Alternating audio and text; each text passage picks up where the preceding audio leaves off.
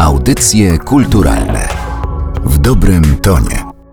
Rozpoczynamy audycje kulturalne, podcast Narodowego Centrum Kultury przy mikrofonie Aleksandra Galant. Obiecałam sobie, że w tej rozmowie nie będziemy zbyt często odwoływać się do statystyki, a na pewno nie będziemy zarzucać was liczbami, ale już na samym początku to postanowienie złamię, no bo właśnie taką statystykę przywołam. Przede wszystkim dlatego, że ona jest bardzo obrazowa i wydaje mi się, że przemawia do wyobraźni. Pod koniec 2022 roku w tak zwanym sektorze kultury pracowało 87 tysięcy osób. W Polsce oczywiście. I to jest 3,5% wszystkich zatrudnionych. To wydaje mi się, że pokazuje, jak ważna to jest jest gałąź i, i jak wiele osób, o których często nie myślimy, których pracy zdarza nam się nie doceniać, oddaje się temu, żebyśmy my dostęp do kultury na bardzo różnych poziomach, w bardzo różnych formach mieli lepszy obraz tego, jak kultura w Polsce działa, kto ją tworzy i kto w tym świecie pracuje. Tego można się dowiedzieć z rocznika kultury polskiej, konkretnie z tego najnowszego tegorocznego wydania, który poświęcony jest właśnie pracownikom sektora kultury i właśnie o nim będziemy dzisiaj rozmawiać. A opowiedzą o nim redaktorka naczelna Grażyna Katarzyna Pol, a także sekretarz redakcji Aleksandra Skrzypińska z działu badań i analiz Narodowego Centrum Kultury. Bardzo jest mi miło powitać Was w audycjach kulturalnych. Dzień dobry, Dzień dobry. również, bardzo miło. Chciałabym zacząć od pytania, które właściwie jako pierwsze przyszło e, mi do głowy, kiedy sięgnęłam po rocznik. I to jest też pytanie, na które w tym roczniku można znaleźć odpowiedź, ale chciałabym skorzystać z tego, że przyjęłyście zaproszenie do audycji i poprosić was o wyjaśnienie tego, mianowicie, co takiego kultura w sobie ma, ten sektor kultury, instytucje kultury, że ludzie chcą tam pracować, że ludzie tej pracy się oddają, bo to jest bardzo krzepiąca informacja, którą ja w roczniku znalazłam. Mianowicie, że ogromny odsetek zatrudnionych przyznaje, że lubi, a nawet bardzo lubi swoje swoją pracę.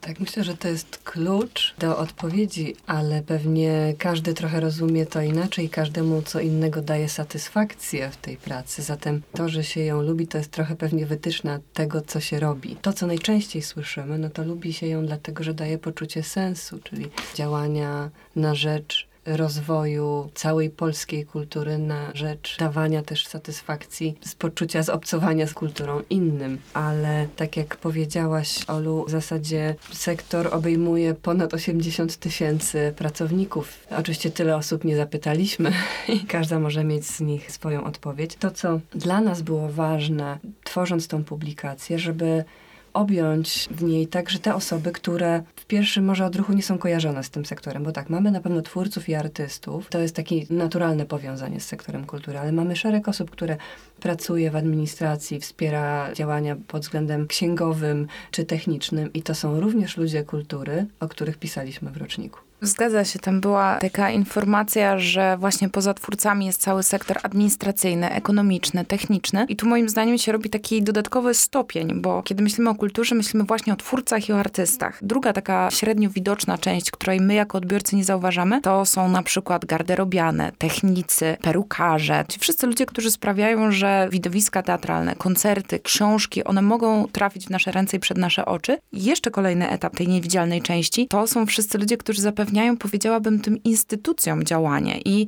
z tego, co powiedziałaś, to ich także traktujemy jako ludzi kultury. Tak, i to nie tylko my ich traktujemy, ale też wszystkie statystyki, chociażby te europejskie, którym też można się przyjrzeć w, w publikacji, ujmują te osoby. Więc my, żeby przyjąć taką e, definicję jak najbardziej szeroką, to właśnie podążyliśmy też za tą e, definicją Eurostatu, która obejmuje również zawody takie wspierające, można powiedzieć. To, żeby widowisko było piękne, to nie tylko zasługa artystów, choć oczywiście przede wszystkim, ale też szereg osób pracuje, żeby instytucje działały sprawnie. Pytałam o to, dlaczego ludzie podążają trochę za tymi swoimi zainteresowaniami i, i, chcą, dążą do tego, żeby w kulturze pracować, to teraz zapytam, co my wiemy o tym, czy to środowisko można w jakiś sposób scharakteryzować. Pomyślałam sobie też, że mamy szereg wyobrażeń na temat tego, jak się w kulturze pracuje. No jednym z nich jest to, że w kulturze przede wszystkim pracują kobiety. Rocznik to jest taka przestrzeń stwarzana dla różnych instytucji, które mają swoje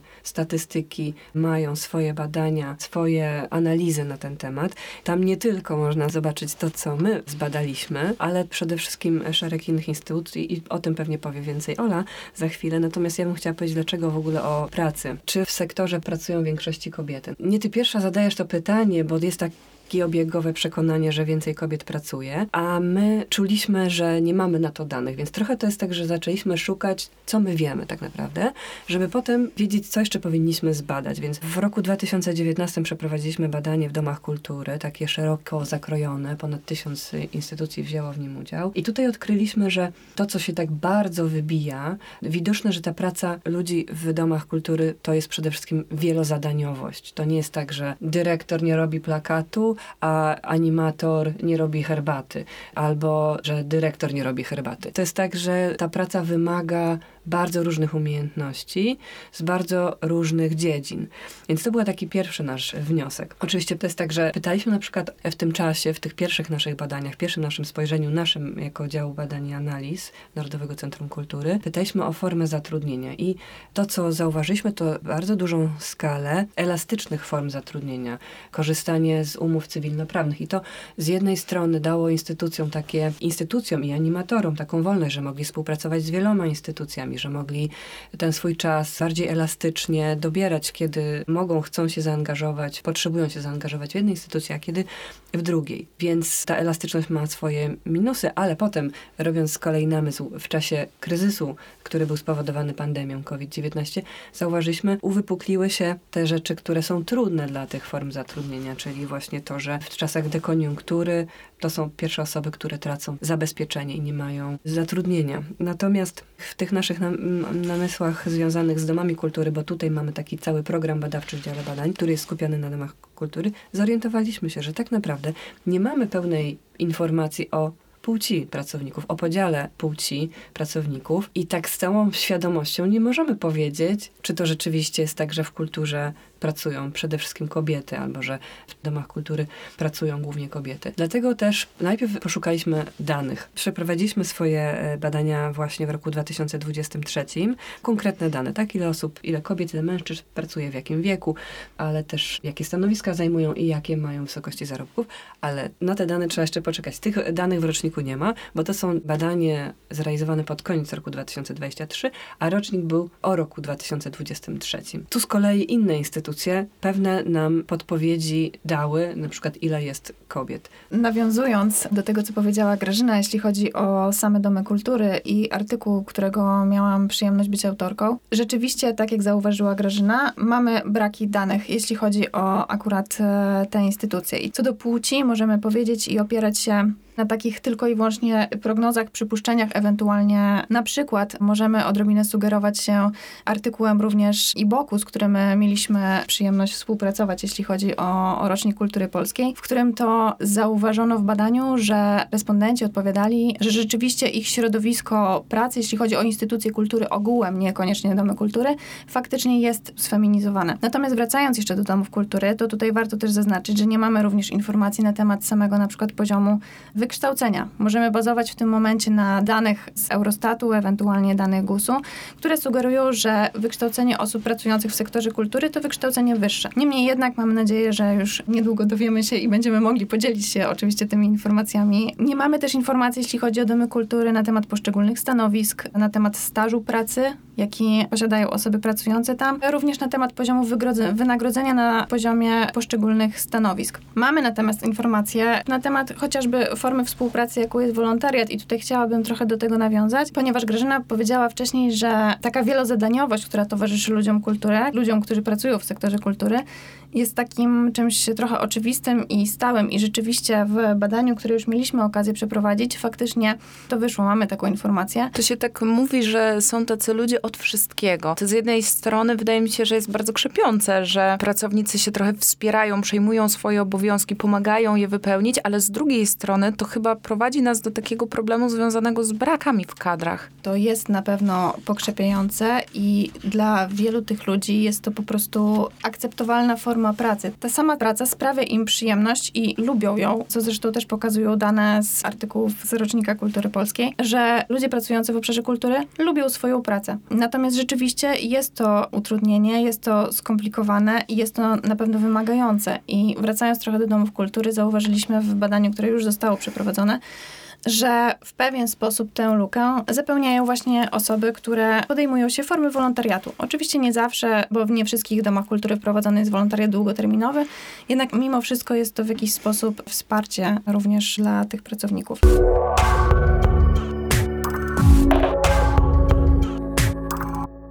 Jaki obraz, oczywiście to już trochę wynika z tego, co powiedziałaś, ale jestem ciekawa, jaki obraz domów kultury w Polsce wyłania się z tych badań, z tych danych, które przytoczyłaś i których więcej znajdujemy w Roczniku Kultury Polskiej? Bo znowu, tak jak pytając o kobiety, powołałam się trochę na obiegową opinię dotyczącą tego sfeminizowania instytucji kultury, ale myślę, że wiele osób może cały czas mieć w głowie obraz domu kultury jako instytucji trochę przykurzonej, niedofinansowanej, w której pracują rzeczywiście ludzie, którzy pracują tam właściwie przez całe życie, którzy są z tym miejscem związani nie tylko emocjonalnie, ale też tak już można powiedzieć czasowo bardzo mocno. Odpowiadając na to pytanie, warto zaznaczyć, że pisząc artykuł oparłam się na definicji kapitału ludzkiego pani Alicji Sajkiewicz, która tutaj główny nacisk kładła właśnie na misję tych ludzi i ich związek z pracą, z daną firmą, instytucją i tak dalej. I tutaj myślę, że to jest bardzo dobre nawiązanie i przełożenie jakby na, na domy kultury, w których rzeczywiście ta misyjność jest widoczna. Celem rocznika nie było też pokazanie tego obrazu Domu Kultury. My oczywiście o tym mówimy, bo mamy swój program w dziale badań, który się skupia na tych instytucjach. Dlatego to jest nasza nakładka może, którą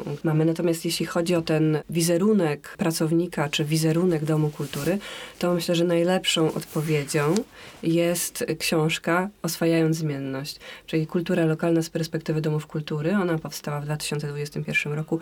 Rzetelne podsumowanie badań ilościowych i jakościowych, które daje większy, taki pełniejszy obraz. I to nie jest tak, że to są już takie osoby, które pracują tam całe życie. Tak bym nie powiedziała. Może rzeczywiście taki obraz gdzieś w głowach się pojawia osób, ale no, to są bardzo dynamicznie rozwijające się instytucje i one pełnią ważne funkcje w swoich społecznościach lokalnych, co pokazała chociażby kryzys związany z wojną w Ukrainie, gdzie te instytucje zostały wskazywane przez samorządy jako jednostki, które były centrami wielokrotnie wsparcia dla uchodźców, gdzie ta pomoc była dystrybuowana, gdzie można było szybko zorganizować magazyny, gdzie szybko można było zorganizować wsparcie psychologiczne czy naukę języka polskiego dla tych osób, więc to nie są zakurzone instytucje. Bardzo się cieszę, że to padło również w trakcie tej rozmowy, bo tak mi się wydaje, że z różnymi stereotypami czy z zakorzenionymi głęboko przekonaniami bardzo trudno się walczy. A też mam takie poczucie, że domy kultury się zmieniają, również dzięki wsparciu Narodowego Centrum Kultury, że teraz jest taki czas, kiedy wiele miejsc przechodzi rewolucję, metamorfozę. To też jest bardzo krzepiący wniosek. Wielokrotnie w trakcie tej rozmowy odwoływałyście się do takich dwóch wydarzeń, które bardzo mocno zatrzęsły całym światem. Pierwsze to jest pandemia COVID-19, która bardzo mocno odcisnęła się na rynku i na zatrudnieniu w ogóle. Drugie wydarzenie to jest oczywiście agresja rosyjska w Ukrainie. I tutaj chciałam was zapytać, czy w roczniku kultury polskiej znajdziemy takie informacje, które pozwalają nam trochę nakreślić sobie obraz tych zmian, które na przykład w kulturze wśród pracowników nastąpiły w związku z tymi wydarzeniami. Znajdziemy na pewno informacje, które w jakiś sposób nawiązują do obu tych wydarzeń. Na przykład mogę tutaj powiedzieć i przywołać artykuł Urzędu Statystycznego w Krakowie, który dotyczy zatrudnienia i wynagrodzeń w instytucjach kultury w latach 2019-2022. I tam wpływ na przykład pandemii, jeśli chodzi o wysokość wynagrodzeń, rzeczywiście jest, jest widoczny i jest bardzo dokładnie opisany. Innym takim przykładem artykułu, który w jakiś sposób nawiązuje do tych sytuacji, jest na przykład artykuł Instytutu Literatury, który opisuje pracę w kulturze w realiach wojny rosyjsko-ukraińskiej na zasadzie opisu programu rezydencji artystycznych i Więc na pewno spotkamy się również z takimi artykułami. Na koniec chciałam zadać pytanie, które jest w pewien sposób otwierające, bo jest bardzo szerokie i podejrzewam, że nie ma na nie wyczerpującej odpowiedzi, ale być może da się zaznaczyć pewien kierunek, tendencje zmian, jeżeli takowe mają nastąpić. Chodzi mi o takie perspektywy, jeżeli chodzi o zatrudnienie w sektorze kultury, o pracowników instytucji kultury. Czy te badania, dane statystyczne i informacje, które znajdujemy w roczniku kultury polskiej, pozwalają założyć albo domyślać się, że pracowników w tym sektorze będzie przybywało, jakie zmiany będą wśród nich następować, czy na to jest jeszcze za wcześnie? Skupiliśmy się na tym, żeby zaprosić instytucje, które mają bardzo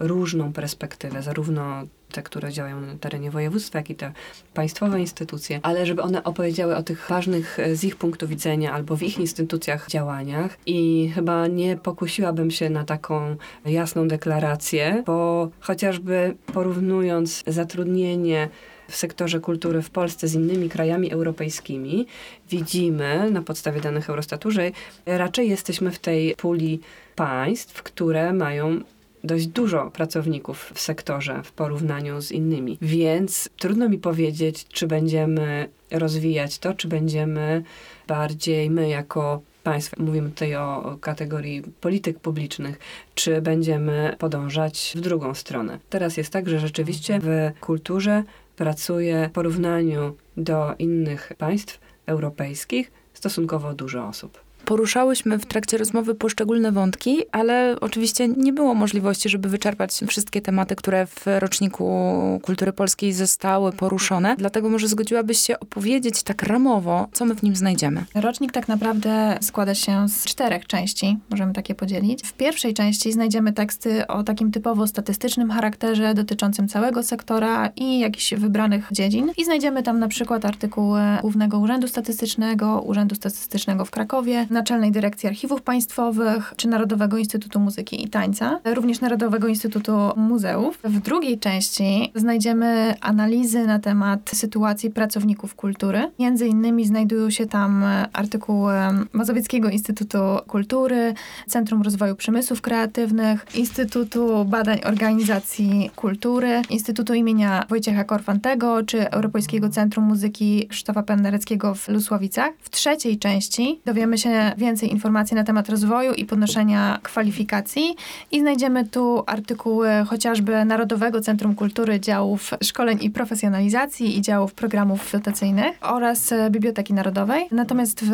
ostatniej, czwartej części znajdziemy informacje na temat zatrudnienia w kulturze osób z niepełnosprawnościami, na temat działania sektora wobec artystów uciekających przed wojną na Ukrainie i badanie losów absolwentów i tutaj spotkamy się z takimi instytucjami jak Małopolski Instytut Kultury, Instytut Literatury, również wspomniany wcześniej IBOK i Akademia Sztuk Pięknych imienia Jana Matejki w Krakowie. Sami słyszycie, że publikacja jest imponująca. Znajduje się w niej bardzo wiele artykułów, tekstów tworzonych przez różne instytucje, dlatego wydaje mi się, że warto po niego sięgnąć. Publikacja w dodatku jest bezpłatna. Możecie ją znaleźć w księgarni Narodowego Centrum Kultury w Warszawie przy ulicy Płockiej. Możecie ją także zamówić lub po prostu pobrać ze strony NCK. A dzisiaj o roczniku kultury polskiej opowiadała redaktorka naczelna Grażyna Pol, a także sekretarz Aleksandra Skrzypińska. Obie panie są z działu badań i analiz Narodowego Centrum Kultury. Bardzo wam dziękuję za to spotkanie. Bardzo dziękuję za rozmowę. Dziękuję bardzo. Audycje kulturalne w dobrym tonie.